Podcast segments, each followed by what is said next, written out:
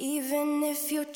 Hallo lief allemaal, welkom bij een nieuwe Droomlichaam dinsdag aflevering. Je kent waarschijnlijk wel de uitspraak You can't have your cake and eat it too. Oftewel, je kan niet alles altijd maar hebben in het leven. Je moet altijd dingen opgeven voor iets. Dus, en het gaat dan vaak in op je wil en slank zijn, en een goede moeder zijn, en succesvol zijn, en veel geld hebben, en een fijne relatie hebben, et cetera, et cetera. En dan de gedachte van omdat elk deel van je leven werk vereist, is het beter dat je dus niet met die verwachting erin gaat dat je alles gaat rocken en de beste gaat zijn in al die aspecten ervan. Zodat je jezelf alvast weerhoudt van teleurstelling. Maar ik denk dat de belangrijkste boodschap daarachter is dat je niet in een burn-out komt of dat je jezelf helemaal kapot werkt en ehm, je mentale gezondheid erom gaat leiden en zo. Maar weet je, ik heb een ander perspectief daarop. Ik denk namelijk wel dat ik het in ieder geval allemaal kan hebben. En er is een reden voor dat ik mezelf noem hierin. Ik denk namelijk dat ik niet hoef in te leveren op dingen. Ik geloof wel dat dingen mooi genoeg zijn om waar te zijn. Um, in plaats van it's too good to be true, you can't have your cake and eat it too, you can't have it all but not at the same time, etc. Ik ben erachter dat deze uitspraken mij niet dienen. Sterker nog, ik voel dat ze je willen weerhouden van eventuele teleurstelling en wat ik zei, burn-out teleurstelling waar misschien een belangrijke les eigenlijk te leren valt, die je verder moet brengen in het leven. Verder in de richting van je droomleven. Dus als je bijvoorbeeld al eruit van uitgaat dat je niet alles kan hebben, hoe sta je dan in het leven? Streef je nog? Doe je nog je best?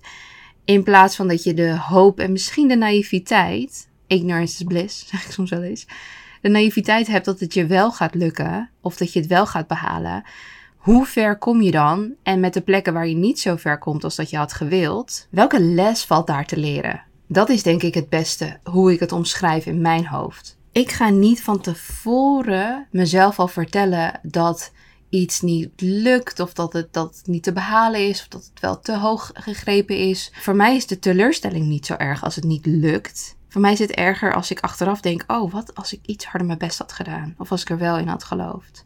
En het moeilijke, denk ik, voor veel mensen die perfectionistisch zijn en juist aanleren om niet te hoog in te zetten, omdat dat eigenlijk bij een perfectionist altijd tot teleurstelling leidt, is dat je dan op een gegeven moment in je leven mensen tegenkomt, of dat nou is mensen die je kent persoonlijk of niet, of online of whatever, die wel bepaalde dingen hebben bereikt, die, die misschien jonger zijn dan jij, of bepaalde situaties vergelijkbaar hadden als, zoals jij.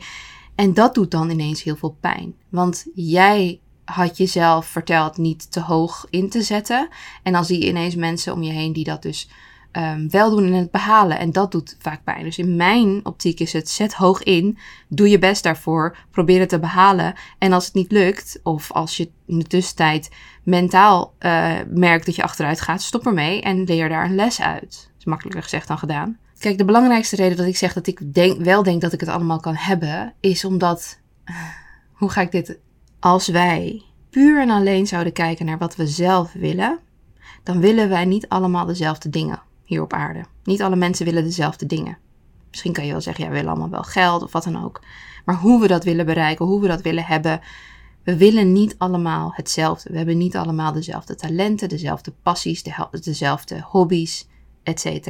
Als we kijken naar wat we zelf echt willen, dan vind ik het de moeite waard om daar vol voor te gaan. Dat wil niet zeggen je baan opzeggen en vol bijvoorbeeld voor schilderen gaan of zo. Dat, ik heb het helemaal niet over die praktische kant ervan. Ik heb het erover in je hart ergens voor gaan. Daar heb ik het niet over geld verdienen ermee of de, je business ervan maken. Maar in ieder geval nastreven wat je in je hart hebt. Als het zingen is, dat je op de een of andere manier meer tijd maakt om te zingen en who knows. Ik denk dat het grotendeels een probleem wordt wanneer we ook aan de maatschappelijke normen en de dingen die we vanuit de maatschappij hebben geleerd te moeten willen, als we die dingen gaan nastreven. En dat we denken: oké, maar dat moeten we ook allemaal willen, want dan zijn we waardig genoeg als mens. Als we daar heling vinden en realiseren welke dingen uit ons verleden komen, welke dingen vanuit de maatschappij komen, welke dingen vanuit ongezonde hoeken komen, dan kunnen we die loslaten en er niet naar hoeven te streven. Ik heb bijvoorbeeld nooit gestreefd naar een grote carrière binnen een bedrijf. Ik heb nooit gestreefd naar een bepaalde werktitel die aanzien heeft. En dan vooral vanuit mijn achtergrond, uh, geboren in Iran, advocaat te worden, piloot te worden, tandarts te worden, dokter te worden. Ik heb nooit gestreefd daarnaar, ook al is vanuit mijn cultuur of achtergrond of vanuit de maatschappij mij gestimuleerd om dat te doen omdat ik dan waardiger zou zijn of goed zou zijn. Daar heb ik heel erg mijn moeder voor te danken. Of eigenlijk alleen maar mijn moeder voor te danken, die daar überhaupt nooit een waarde aan heeft gehangen. Die heeft altijd gezegd dat ik puur mijn eigen passies en dromen en doelen en creativiteit hoefde te, hoefde te volgen. Als in gewoon doe dat, want als je daar gelukkig van wordt, dan is dat het beste wat je kunt doen voor jezelf. Dus kun je je voorstellen dat ik die dingen helemaal niet wil. En dus alleen afga op de dingen die ik zelf vanuit mijn interne plek hoef te bereiken. Dus ik wil misschien een slank lichaam, een bepaalde hoeveelheid geld op mijn bankrekening. Ik wil een bepaalde toevoeging hebben aan de mensen om mij heen of de mensen die mij volgen. Ik wil iets positiefs meebrengen aan hen. En ik wil een fijn huis bijvoorbeeld. En een en fijn op vakantie.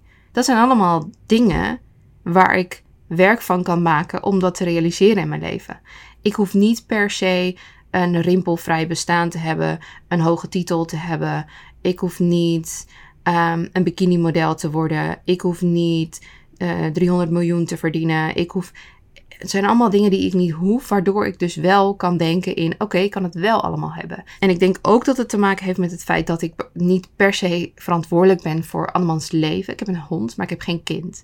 En daar valt ook heel veel voor te zeggen. Ik hoop heel erg dat deze podcast bij de mensen aankomt die eigenlijk veel meer kunnen behalen, veel meer liefde te geven hebben, veel meer passie hebben in zich, veel meer creativiteit, veel meer drive hebben dan ze nu toelaten uit angst voor eventueel teleurstelling of vanuit adviezen die op hen zijn gelegd van hey, niet te hoog inzetten en het is allemaal toch wel goed zo en niet you can't have your cake and eat it too en het is te goed om waar te zijn en dat soort dingen. Probeer eens te bedenken dat het wel waar kan worden. Dat het zo mooi is dat het ook waar kan worden. Dus niet te goed om waar te zijn, maar gewoon te goed. En dat het ook waar kan zijn. Ik weet even niet hoe de goede uitspraak zou zijn. Hoe zou je dan in het leven staan? Het doet me ook meteen denken aan de quote van What would you do if you knew you wouldn't fail? En nou is daar zit natuurlijk voor heel veel mensen een angst van wat als het niet lukt. De teleurstelling, de schaamte, de, het gevoel van een, iemand zijn die, die faalt. Maar is de weg er naartoe, de hoopvolle, naïeve weg, is die niet zo ontzettend gaaf?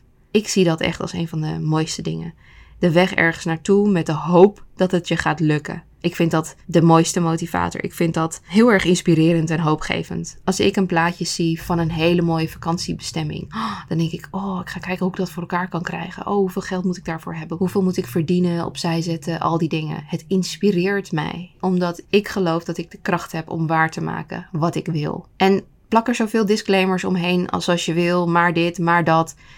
Daar gaat het uiteindelijk niet om. De boodschap is Probeer eens te denken dat het wel kan. En kijk eens hoe hard je dan ervoor gaat werken. Ik snap heel goed voor welke groep mensen die adviezen zijn bedoeld. Hè, zoals ik net even kort zei.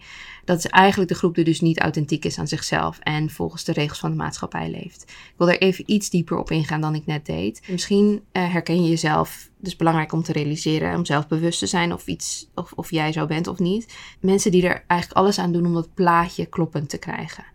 En dat is een positie die vatbaar is voor een burn-out, voor een eetstoornis, voor een paniekaanval. En die dingen liggen natuurlijk veel dieper dan hoe ik het nu zeg. Maar als je weet te onderscheiden onder welke groep je valt, kun je veel beter adviezen wel of niet aannemen. Ik hoop dat ik nu de groep aanspreek die dromers zijn, grote dromers zoals ik. De groep met een gedichtje in hun hart over het leven. De groep die überhaupt al niet bezig was met maatschappelijke uh, successen hoge cijfers, goede baan, promotie, huis kopen, trouwen, etc.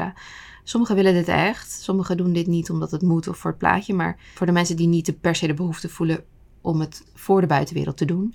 De groep die een aantal dingen wil in het leven en waar tegen wordt verteld: je kunt niet alles op hetzelfde moment hebben. Wil ik eigenlijk de vraag terugstellen: waarom niet? Waarom kun je het niet allemaal hebben zoals je erover droomt? Waarom zou je het op zijn minst niet proberen voordat je door zo'n uitspraak tegengehouden zou worden? Is dat niet jouw eigen persoonlijke pad om te bewandelen en te evalueren voor jezelf? Is dat niet precies wat je hier op aarde bent om te doen? Jouw pad te bewandelen en daar de, daarbij horende lessen te leren? Niet om de lessen vervolgens te plakken op anderen die niets te maken hebben met jouw pad en jouw ervaring, maar puur om jouw eigen leven te verrijken en te verbeteren en te helen en te leren en nou, dat riedeltje. Liever spijt van iets doen dan iets niet doen. Ik ben er namelijk van overtuigd dat het proberen, het doen, het bewandelen, wat ik net zei, van jouw pad, altijd beter is dan van tevoren gewaarschuwd worden voor eventuele teleurstelling en je daardoor een afgevlakt leven gaat leiden. Dus laat dit het teken zijn dat wat er ook in je hart zit, dat het er niet voor niets zit. Het zit daar met een reden.